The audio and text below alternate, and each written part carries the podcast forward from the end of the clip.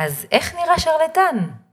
אילו ניתן היה לשרטט אה, איזה קלסטרון עם קווים לדמותו של שרלטן, היה לנו הרבה יותר קל, כי שרלטנות היא תופעה מאוד נרחבת, באופן כללי ובמחוזותינו בפרט.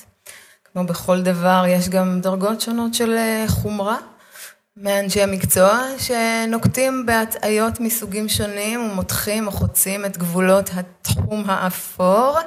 אה, ועד אה, נוכלים והונאות של ממש. אה, לכן, מה שחשוב זה שנכיר את המכנים המשותפים, את ההיבטים העיקריים, ונלמד לזהות את סימני ההיכר ואת נורות האזהרה. וואו, אז בואו נתחיל ונזהה אותם. יאללה. מזמינה אתכם למסע לפיצוח הפרעת הקשב שלכם, בכדי שתוכלו סוף סוף להבין ולקבל כלים להגשמת הפוטנציאל הזה שתמיד מדברים עליו. אני דוקטור שירלי הרשקו, מומחית בהפרעת קשב.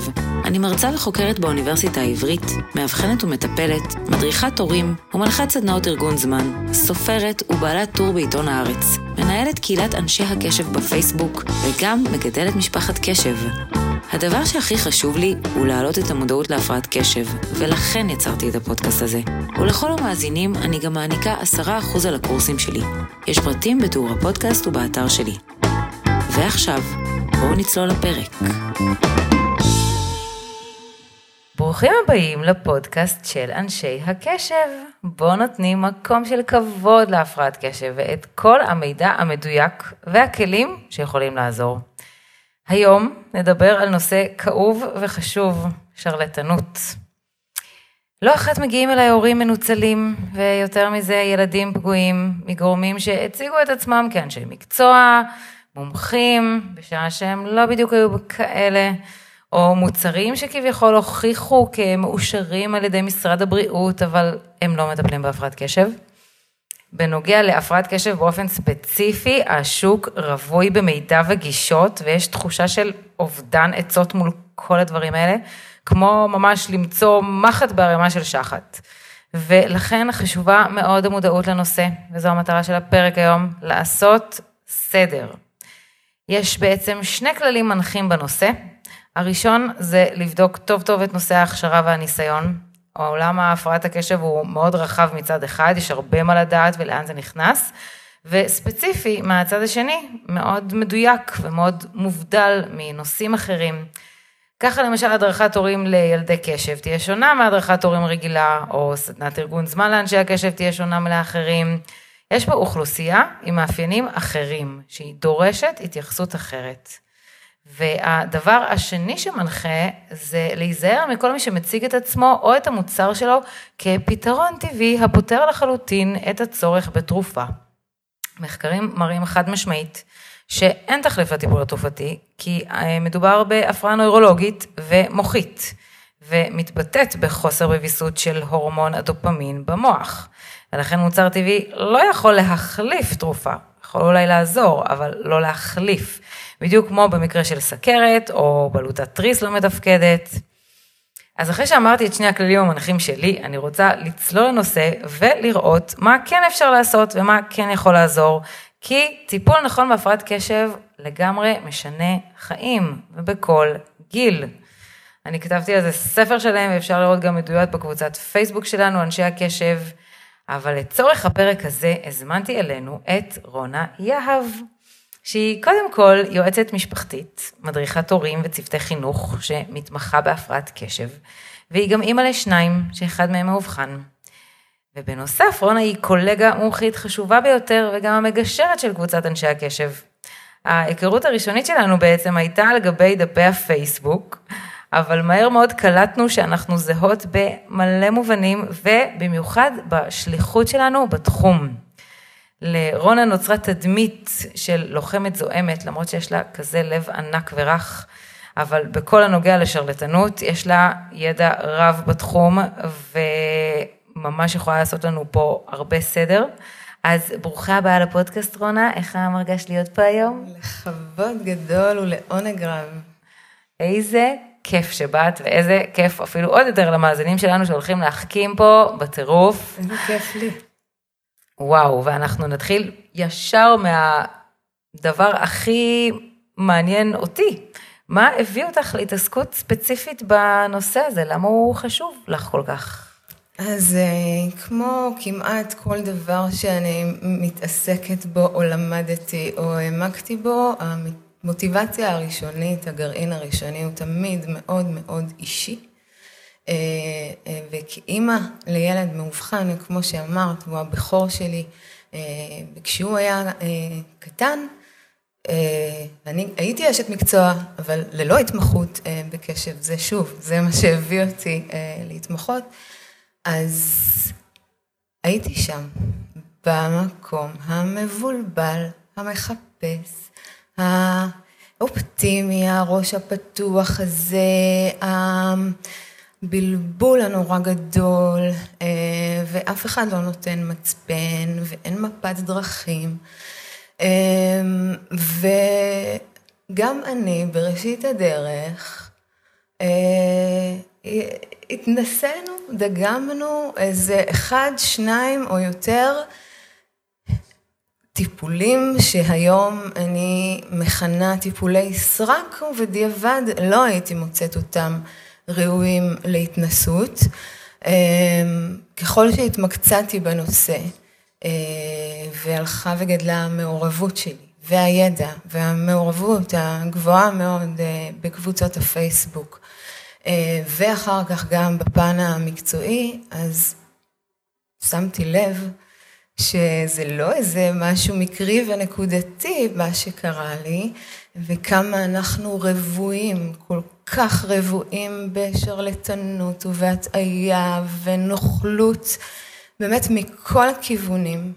אה, וחשבתי אם גם אני התפתיתי לדגום אמנם בקטנה, אמנם, זאת אומרת, אבל אז מה קורה כשלא יודעים?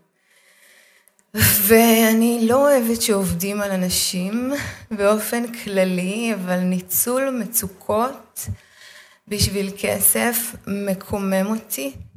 אמ, ואני אני, בנושא הזה ספציפית, אומרת, אנשים חושבים שיש לי איזה חמ"ל וזה מה שאני עושה. אה, וזה העיסוק שלי, זאת נישה שדי אה, נקלעתי אליה וזרמתי עליה. אני כאן, כאן ספציפית, בעיקר כאימא, מדם ליבי, אני מכירה את זה. לכולנו יש את האזור הפגיע, הבטן הרכה, שרלטנים יודעים לנצל את זה ממש ממש טוב. במקרה שלי הפן המקצועי כמובן עזר לי. הידע והאינטואיציה, נקרא לה אינטואיציה מושכלת, עזרו לי להיות טרף פחות קל. והיום הסיכון שאני אפול לאיזשהו פח מהסוג הזה הפך להיות מזערי. כמובן שזה מאוד מאוד השתכלל עם השנים. וזה בעצם מה שאני רוצה לתת לאנשי הקשב ולהורים בפרט. כי מי שנמצא מקרוב מספיק זמן בתחום הפרעת הקשב, לומד, לצערי לפעמים בדרך הקשה, שהצפת המידע והגישות והעצות היא לפעמים שדה מוקשים ומצריכה משנה זהירות. וכמו שאומרים בטבע, שלא כדאי להפוך כל אבן כי אולי יש שם נחש, אז זה אותו הדבר. ואני יודעת שמאחורי כל הורה שנופל קורבן לשרלטנות יש ילד שבמקרה הטוב רק לא מקבל הבנה ועזרה. אמ, אז המטרה שלי היא לא ליצור איזו רשימה שחורה, אה, ואני לא מזכירה שמות, זה גם לא רלוונטי. לצערי, הם מתרבים ומתחלפים תדיר. אה, אז מה שחשוב זה שיהיו לנו קצת כלים לזהות אותם, לזהות את המכנים המשותפים. נכון מאוד, ואנחנו באמת נגיע לכלים, באמת אפשר לתת מין גיידליין כזה של איך לזהות, כל מיני משפטים. או, או כל מיני קווים, ואנחנו תכף נגיע לזה. אה, אבל לפני שממש נתאר את המדריך, רציתי לשאול אותך אם בגלל הניסיון שלך המקצועי והאישי, את יוצאת נגד כל מה שלא קונבנציונלי, או שאת כן פתוחה לדברים אחרים? אז אה, אני בעבר הייתי נשאלת, הייתה תקופה שכבר לא שאלו, פשוט הניחו. הנחות uh, לגבי הגישה שלי, אז אני שמחה שאת שואלת. אמ, אני אענה באמת גם ברמה האישית וגם המקצועית. אני לא דוגלת בקיצוניות לשום כיוון, ואגב, בשום נושא. זאת אומרת, לא משנה על מה נדבר בחיים שלי, אני משתדלת לשמור על ראש פתוח בשילוב של אה, רגליים על הקרקע, על איזה איזון בריא בין הגישות, אבל מרחק בטוח מהקצוות. אני חושבת שקיצוניות לשום כיוון היא לא מיטיבה. אני דוגלת באינדיבידואל, אני מאמינה שצריך לדון ולבחון כל מקרה לגופו, שאין דבר שנכון לכולם, שלא כולם צריכים הכל. אני לא בעד ואני לא נגד, נגיד שואלים אותי על, על טיפול תרופתי לצורך העניין, הנושא הנפיץ ביותר, הפיל בחדר, אני לא בעד ואני לא נגד. אני אולי נגד להיות נגד. אני בעד לתת למי שבאמת זקוק, ורק למי שבאמת שזקוק. אני חושבת שלתת כדור כקו ראשון לכל פעוט תוסס זה רע. אה, אבל גם למנוע כדור ממי שמשלם לאורך זמן מחירים גבוהים מדי בלעדיו, זה לא טוב. אה, אז יש באמת תפיסה כזאת שגויה, אה, שהשרלטנים מאוד מאוד מחזקים, שאם אני נגד שקיפות, סליחה, הטעיה ונוכלות ושרלטנות, אז, אז אני בטח נגד כל דבר שהוא פחות קונבנציונלי. התפיסה הזאת, כמו שאמרתי, שגויה, אני לא מכלילה, אני לא פוסלת כמעט שום דבר באופן גורף, יש דבר אחד שכן, אני גם אציין מהו בהמשך. שרלטנות יש בכל תחום. אה, אני לא נגד מה ש... כל מה שלא קונבנציונלי, יש דברים שאני צורכת בעצמי ודברים אחרים שאני מוכנה לנסות. אה, אני חושבת שאם אנחנו לא קיצוניים ולא תמימים, אז אנחנו יכולים לשלב ולקחת את מה שטוב וראוי מכל העולמות, ולא חייבים לבחור איזה צד אחד. אה, אני נגד שרלטנות והטעיה ונוכלות ומה שמשווק באופן מפוקפק, ואני חושבת שבכל דרך שבוחרים, אה, זה לא אומר שצריך לחתום על טופס ויתור במה שקשור באמת לשקיפות, יושרה, הגינות, אמינות. אה, גם אם אתם מתנגדים נחרצות לתרופות, לא מגיע לכם שיעבדו עליכם. מאוד מסכימה איתך. מאוד מסכימה שבאמת כל מקרה לגופו, ואם יש משהו שמישהו מרגיש שעוזר לו, אז מצוין, לך על זה, אבל חייבים לבוא למקום הזה באמת, כמו שאמרת, עם מודעות וידע, ואנשים ש, שמחפשים איך אה, לנצל, אנחנו צריכים להישמר מהם, אפילו בקבוצה שלנו, באנשי הקשב, אנחנו לא מעלים בקשות להמלצות, כי אנחנו יודעים מה יהיה, מיד זה מרים את כל אה, אה, ים הספמים והטרולים למיניהם, וצריך, במיוחד בתחום של הפרעת קשב, להיזהר, כי באמת מצד אחד, כשמטפלים בה זה נורא עוזר, ומצד שני, כשלא מטפלים בה, אז יש לזה השלכות קשות, גם בגיל צעיר וגם בגיל מבוגר, ו... ולכן הנושא הזה כל כך חשוב, ואת באמת נגעת ב...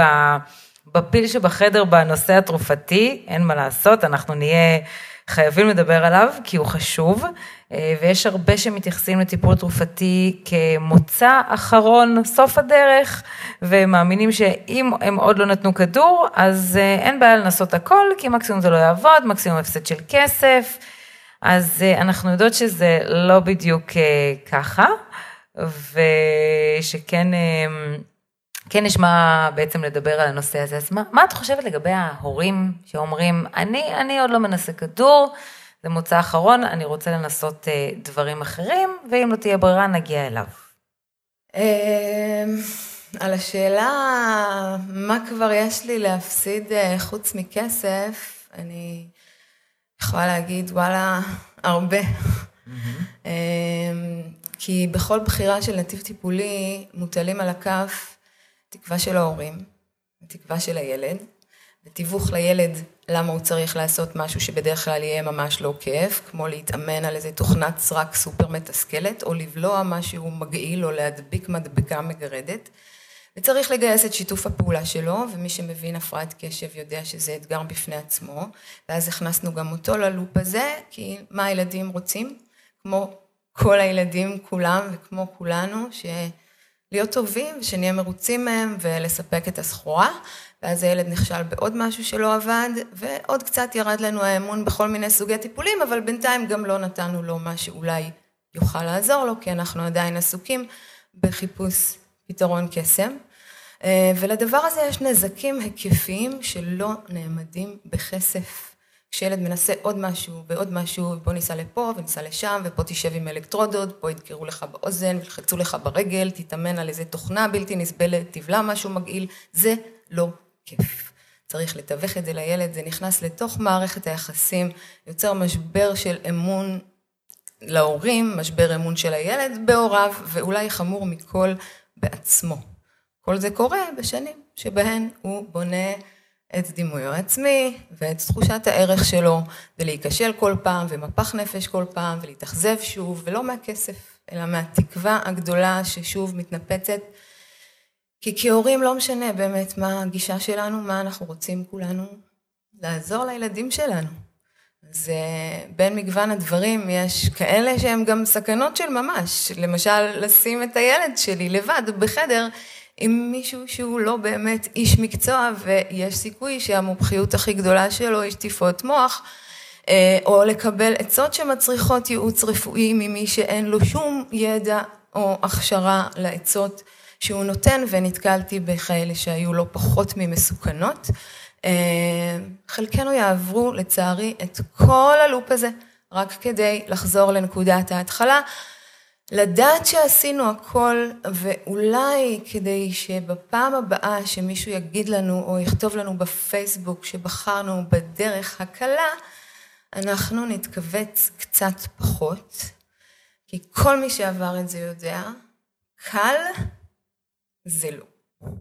וואי, אני גם אחרי 15 שנה מתכווצת ומצטמררת מהאמירות האלה, זה באמת נושא כל כך יואו, שאני אפילו נזכרתי, היום בבוקר הייתה לי שיחה עם אה, אימא של אה, מאובחנת, שאמרה לי, שסיפרה לי שהילדה כבר הגיעה למצב של תלישת שערות, וקרחות, ודיכאון, והשמנה, אבל לא, אני לא רוצה לתת טיפול תרופתי להפרעת קשב, לא, לא, אני נגד תרופות, אבל, אבל כל השאר הזה עדיף, בסדר, אבל כאילו, אני, אני באמת שאני מכבדת אנשים שלא אוהבים תרופות, גם אני לא אוהבת תרופות, אבל זה בואו... זה תלוי מה המחיר. בדיוק, בדיוק. בואו רגע נראה מה המחיר, ועם ידע גם, עם, עם... רגע, תלכו שנייה לרופא, תדברו איתו, תקבלו הסבר לרופא מומחה. אה, נורא חשוב קודם לבדוק את הקרקע שם מאחורה, ויש המון מידע שצריך לדעת, כדי אה, באמת לקבל את ההחלטה ו... ולראות. מעבר לזה, שלא שמא שוב ישתמע שזה או כזה או כזה. יש גם במסגרת הטיפולים התומכים, האחרים, הנלווים, אה, קשת רחבה, וגם בתחומי הלגיטימי והראוי, עדיין, זאת אומרת, צריך לבדוק, יכול להיות שילדים שיכולים מאוד מאוד להתערם באמת מכל מיני תהליכים, ויצליחו מה שנקרא להחזיק את הראש מעל המים, עם קצת מכות בכנף, אבל בלי פגיעת צ'אסי, וזה בסדר. אבל, אבל בואו נהיה רגישים לאלה שלא, שניסינו וניסינו וניסינו וניסינו וניסינו, והילד הולך לאיבוד. אז, אז שם צריך לראות גם את המחירים של המניעה של זה, לא רק את המחירים של לתת, ולראות איפה, איפה המחיר יותר גבוה. כן, אני, גם בגלל שאני עובדת עם מבוגרים, אז אני רואה מה המחיר אחר כך. זאת אומרת, הילד הרבה הורים אומרים נגיד, אה, לא אכפת לי מלימודים, העיקר שיהיה מאושר, אבל הוא לא יהיה מאושר אם הוא לא יצליח בלימודים והוא ירגיש, והוא לא יבין מה קורה איתו והוא ירגיש דפוק. וזאת ואני... גם לא הפרעת לימודים, אז זה לא המקום היחיד שהוא ירגיש בו בדיוק, קשרים חברתיים, מחירים. נכון, כל כך, אה, הרי זה משתלח כל כך הרבה מקומות, ואחר כך אה, זה ממשיך בבגרות, זאת אומרת, זה אנשים שלא רוצים ללכת לאקדמיה, ולא רוצים לפתח זוגיות, ולא חושבים שהם יצליחו לשמור על עבודה, וזה דבר שהוא לא נגמר כזה בילדות, בית ספר הסתיים, יאללה, תשתחרר. או שכן עכשיו. מנסים ולא מצליחים ומאשימים את עצמם. כן, האשמה עצמית זה, זה הכי עצוב. אה, אבל באמת אנחנו, אנחנו נשים אופטימיות ואנחנו בתחום כי, כי אנחנו רואות באמת כמה, כמה כן אפשר לעזור, בשביל זה אנחנו פה. אז עכשיו אנחנו ממש ננסה רגע לתת כמה קווים לממה, איזה עקרונות חשוב לדעת כדי להימנע מדברים או כדי לקבל דברים, נעשה כזה סדר בנושא הזה. ומה לדעתך אז באמת הקו המנחה, כש, כשבעצם בן אדם, הורה או מבוגר, רוצים עכשיו למצוא טיפול, משהו שיעזור, ממה הם צריכים להתרחק ולמה הם צריכים להתקרב? אמ, זה, זה פחות עובד בדיכוטומיה של מה כן ומה לא, אבל אני כן יכולה לתת אה, עקרונות מנחים חשובים לכל מי ששוהה בזירות האלה של הקשב ושל הפייסבוק והקבוצות והמאמרים וזה, אמ, במיוחד אם הוא נכנס לזה כדי ללמוד ולא ממקום שמאוד מבוסס ויודע, אז אני אתחיל אפילו מהדבר הכי אה, אך מתבקש אה, של קבוצות פייסבוק. אם כבר אה, מדברים, לא כל הקבוצות הן אה, קבוצת אנשי הקשב. אה, אז יש המון המון קבוצות פייסבוק, וגם בתחום הקשב יש המון, אבל הקבוצות נבדלות זו מזו אה, במקצועיות, במטרה, אה, באג'נדה, באופי. אה, אז כדאי לשים לב, למשל, מי מנהל את הקבוצה, מה הכללים, האם נדרשתם לענות על איזה שאלות כדי להצטרף, או שזה היה אוטומטי? האם יש הגבלות לפרסום ושיווק? האם יש איזושהי בקרה מקצועית מלבד שמירה נניח על כללי פייסבוק ותרבות דיון? אה, ברור, לדוגמה, שקבוצה שכבר בשם שלה שוללת טיפול תרופתי, היא מראש אה, מזמנת מוקשים מהסוג הזה. ואם אתם נמצאים בקבוצה כזאת, שזה אין בעיה כשלעצמו, אה, אבל מומלץ מאוד בנוסף להיות גם בקבוצות אחרות, ולו על מנת להרחיב את הפרספקטיבה שלכם. אם אתם לא יודעים לזהות מה כן ומה לא, אז תהיו גם במקומות אחרים. אמ, חוות דעת, למשל, כל מי שרוצה איזה לשאול, אז כולם יודעים להעלות פוסט ולשאול מי שמע על X או Y. זה לא מספיק, כי כשאנחנו מעלים פוסט, אז, אז יכול לענות לנו רק מי שראה את הפוסט, ומי שקרא את הפוסט, ומתוכו מי שיודע, ומתוכו מי שמתאים לו לענות. אמ, בעוד שאם נעשה חיפוש פנימי בתוך קבוצות הפייסבוק, כמו שיש מנוע חיפוש כזה, זכוכית מגדלת, כמו שאנחנו מחפשים את החברים שלנו בפייסבוק, אז בכל קבוצה יש גם זכוכית מגדלת כזאת, ואם נעשה חיפוש פנימי, אנחנו נמצא כל דבר שאי פעם נכתב על, על המוצר, שירות או איש מקצוע הזה בקבוצה אה, על תולדותיה. אה, חשוב לדעת שחוות אה, דעת בגוגל או באתר או בדף העסקי, אה, זה משהו שצריך להילקח בערבון מוגבל. אני נורא רוצה להאמין ש... שלא כולם עושים את זה, שהם מיעוט ועדיין נתקלתי בכאלה שחוות הדעת היו מזויפות, מפוברקות לחלוטין. אמ, שימו לב לעניין הזה של החיפוש הפנימי, זאת זעקה שלי כבר שנים בקבוצות, כל מי ששואל, מי שמע על X או Y, צאו מתוך נקודת הנחה שאתם לא הראשונים ששואלים על זה. אמ, ושימו לב גם ממי חוות הדעת, כי יש גם חוות דעת שלמשל מישהו יכול לתת איזה חוות דעת מאוד מאוד אוהדת, אבל אם טיפה נציץ לו בפרופיל וזה, אז, אז, אז נגלה איזשהו אינטרס לדבר הזה הנדון. אמ, בכל מקרה על דברים ספציפיים, כל מיני מותגים מובילים בתחום, כמעט כל מה שאני יודעת ומה שמותר להגיד, אני דואגת שהוא יהיה נגיש ברוב קבוצות הקשב באמצעות חיפוש פנימי. אה, זה בנושא של... קבוצות, קבוצות, אוקיי, אז באמת פייסבוק, לשים לב מי ממליץ, מה ממליץ, מה קורה בקבוצה, מי המנהלים, מה השם שלה. אה, לא כל מה שגם חבר אה, בקבוצה מעלה ואומר, זה אומר שזה בהכרח נכון, ובאמת צריך, צריך להיזהר מההמלצות בפייסבוק, בכל זאת. גם המלצות, גם, גם חוות דעת, גם המשקל שאנחנו נותנים לאיזה הערה שמישהו העיר לנו, לא בהכרח אומר שהוא יודע יותר מאיתנו, אז זה פשוט להיות ערים לדבר הזה. אמ,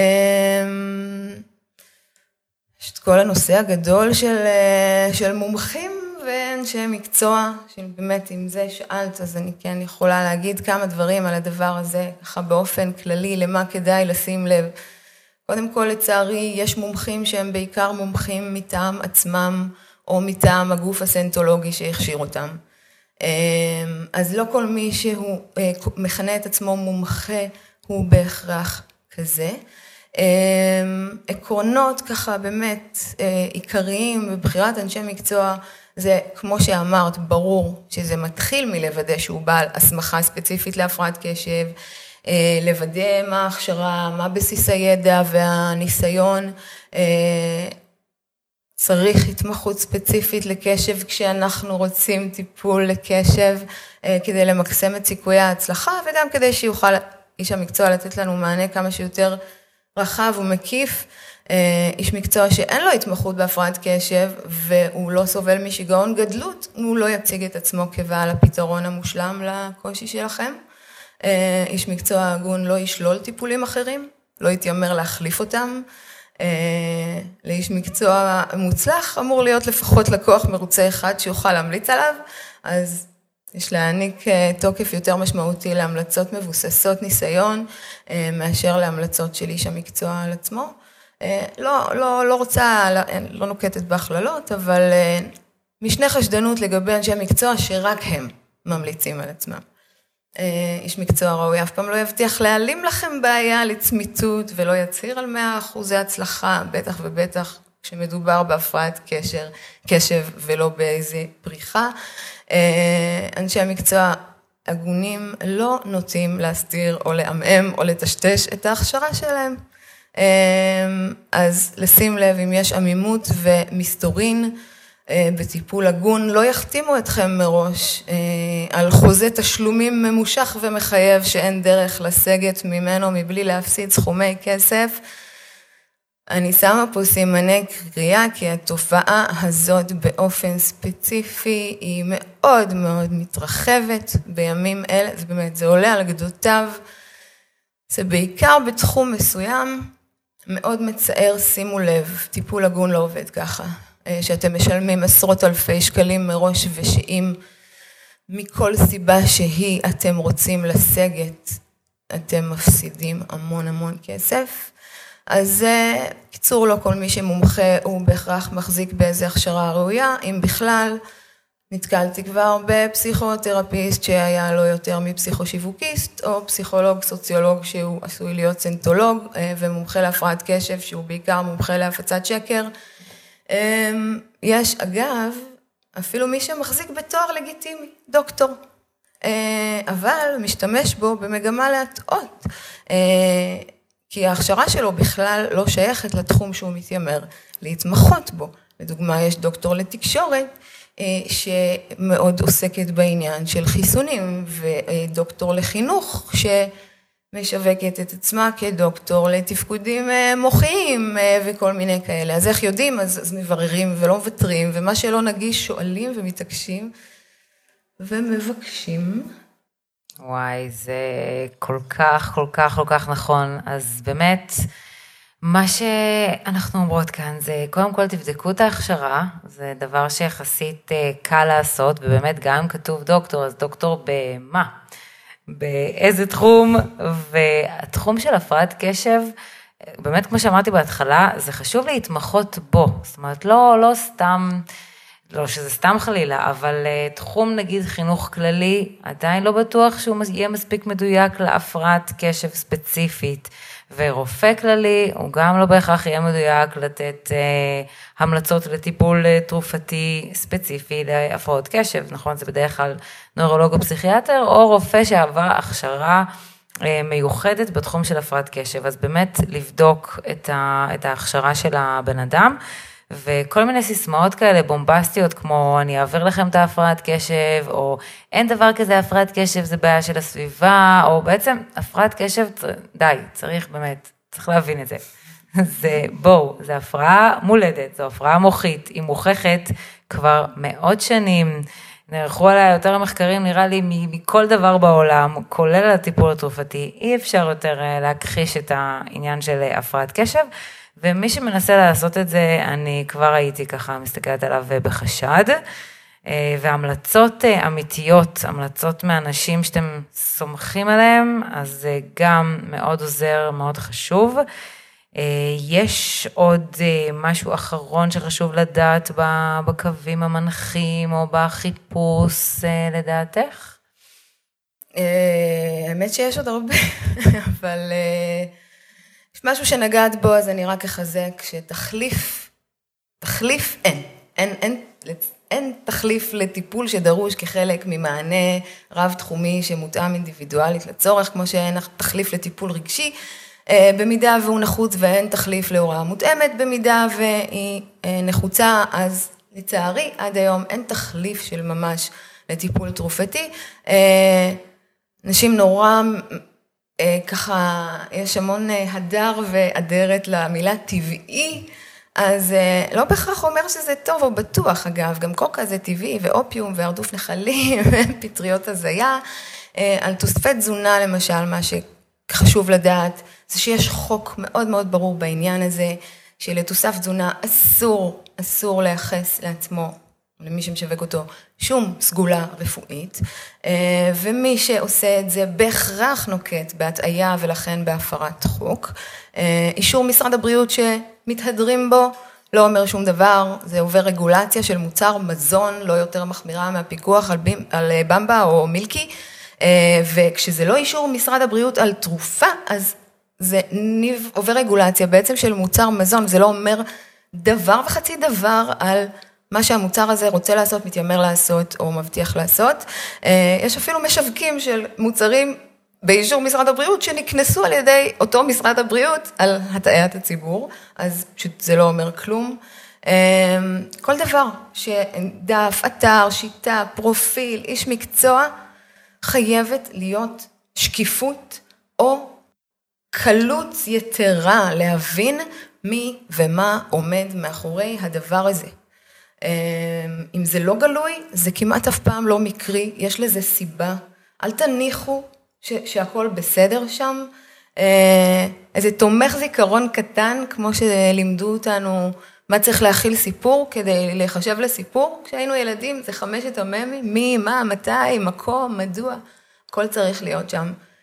הכשרה וידע ואיפה היא נרכשה ומה הגישה ומה הבסיס ואיפה שלא, שזה מאוד מעומעם ויש המון סיסמאות וסופרלטיבים, אז בעיניי שומר נפשו ירחק. אה, כל מה שיותר מדבר על מה הוא לא, לצורך העניין לא, ללא תרופות, יותר מאשר על מה הוא כן, זה נורת אזהרה, כי אם זה כזה מוצלח, אז לא צריך להשתמש בקלף הנחות הזה של שלילת טיפול תרופתי. אה, יש שיווק רשתי, יש פירמידות, יש מלא מלא דברים. קחו בחשבון שיש תגובות של משווקים ויש סיפורים קורעי לב של אנשים שמשהו ככה הציל אותם ושינה להם את החיים אה, עם הפרעת הקשב, והם או משווקים, לפעמים קורבנות של פירמידה בעצמם, אה, שלא יודעים את זה. היזהרו ממילים כמו הפתרון האולטימטיבי, פתרון קסם, ללא תרופות, אה, וכו' וכו'. אה, אבחון, כל מי שאצלך יודע איפה עושים ורק זה, ושיש לזה אמות מידה וכאלה. וכתבות, שימו לב שיש כתבות שהן במסווה של כתבה. אבל כתבה שאין בה שם לכותב, היא לא כתבה, היא פרסומת, ואם תחפשו באותיות הקטנות קטנות למטה, בדרך כלל יהיה כתוב בחסות X או Y, וזה משרד הפרסום שקנה את שטח הפרסום באותה פלטפורמה שבה אתם קוראים את זה, זה לא כתבה, זאת פרסומת. אמ, הנושא הנרחב שאני לא אכנס אליו מפאת קוצר הזמן, אבל אני רק אציין כי הבטחתי שאני אגיד מה הדבר שאני כן שוללת באופן גורף זה סנטולוגיה. אה, כתבנו על זה בקבוצה, יש על זה מידע, התייחסתי לזה בכל מיני מקומות, אז אפשר, אבל, אבל אם יש משהו שהוא איקס גדול בעיניי, זה זה. אמ, וואו. על קצה המזלג, קצה מה המזלג. שנקרא, ממש. ממש, אה, אני חושבת שזה סיכום באמת שמכיל כל כך הרבה אה, ידע, אה, גם מקצועי, גם מי שממש מרגישים שזה, שזה מדם ליבך, כמו שאת אומרת. ואני רק יכולה לחזק אותך ולהגיד, באמת מה, מהכיוון האקדמי, המחקרי, אני מאוד מאמינה במחקרים, אבל במחקרים אמיתיים, אגב, אם אנחנו כבר מדברים פה על שרלטנות, לא כל בן אדם שאומר שהוא עשה מחקר, או שהוא כתב מאמר, זה באמת זה. זאת אומרת, מחקר ממש לוקח בערך לפחות שנתיים אה, לעשות אותו ולהוציא אותו, ולא רגע להעביר איזה שאלון, אה, לא יודעת איפה, ולכתוב כתבה, אלא זה באמת משהו שעומד בדרישות מאוד מאוד גבוהות, ואם, ואם אושר בז'ורנל ככה, נחשב ומכובד, זה אומר שבאמת יש משהו מאחוריו. ובנוגע באמת לטיפול בהפרעות קשב, אז עשו המון המון מחקרים על זה, רק ספציפית על הטיפול התרופתי בהפרעות קשב, חקרו אותו 70 שנה. אה, שזה התרופה הכי נחקרת בתרופות הפסיכיאטריות, והיא גם נמצאה אה, כתרופה הכי אה, יעילה ועם הכי פחות תופעות לוואי, שזה רק מראה לנו כמה בעצם אין לה מספיק יחסי ציבור טובים בחוץ, כי הפער בין מה שמחקרים שבדקו, וזה מחקרי ענק על מיליונים, בכל העולם לבין אה, כל מיני תפיסות אה, וסטיגמות שגויות הוא עצום, אז כן חשוב לדעת, אה, לדעת את העניין הזה, וגם עוד פרט אה, נחמד ומעניין, שטיפול תרופתי ביחד עם התנהגותי, הם משפרים פי 24 את, ה, את הבן אדם בעצם, את התפקוד שלו, את, היכולות שלו, פי 24, זה, זה לא פי 2, זה לא פי 10, זה פי 24, זה המון, אז כן מאוד כדאי לשלב בין שניהם, התנהגותי, הכוונה, זה יכול להיות הדרכת הורים, וזה יכול להיות אה, אה, טיפול ספציפי בילד, שניהם אה, מאוד מאוד אה, עוזרים ו... וכדאי לשלב אותם, כי באמת, אני לפעמים מרגישה, בדיוק, אה, קטע, בדיוק אתמול, שאלה אותי שוב, מאובחנת, אה, לך יש הפרעת קשב? ואמרתי לה אפילו קצת בבושה שלא, כי אני כבר כל כך אוהבת את הפרעת קשב, שאני קצת מצטערת שאין לי, ואז היא אמרה לי, אז למה? אז למה את עושה את כל מה שאת עושה? אה, אז אמרתי לה, מה זאת אומרת? איפה עוד תמצאי תחום שאתה יכול לעשות בו קסמים, אתה יכול לפגוש בן אדם, ילד או מבוגר, להעביר אותו אבחון, לתת לו טיפול, ותוך כמה חודשים אתה רואה אותו משהו אחר, איפה עוד תמצא דבר כזה? זה קסם, כאילו אני ממש מרגישה שיש לי זכות מטורפת אה, שאני יכולה לראות את זה, וזה תמיד ירגש אותי מחדש, גם 15 שנה אחרי, ויגרום לי כזה לקול שלי לראות ולדמעות כזה לעלות, כי, כי זה פשוט, אה, זה פשוט אה, מדהים, אני חושבת שזה נחמד שאנחנו גם ככה עומדות לסיים ב, בגישה כזאת אה, אופטימית ומרגשת. ורונה, אני כל כך מודה לך גם על זה שבאת, אבל גם הרבה מעבר, על כל השליחות שלך, על כל העבודה שלך. ו... מי שמדבר. וזה באמת שאנחנו הולכות ביחד בדרך הזאת, ו... וזה מדהים, זה באמת אה, כל כך חשוב, וזה באמת משנה חיים. וממש אה, תודה לך על זה. תודה לך, לך אני מרשה להשתמש במילה קסם. אני מסכימה שזה מה שאת עושה.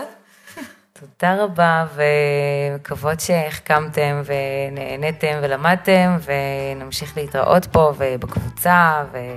וביי בינתיים. ביי.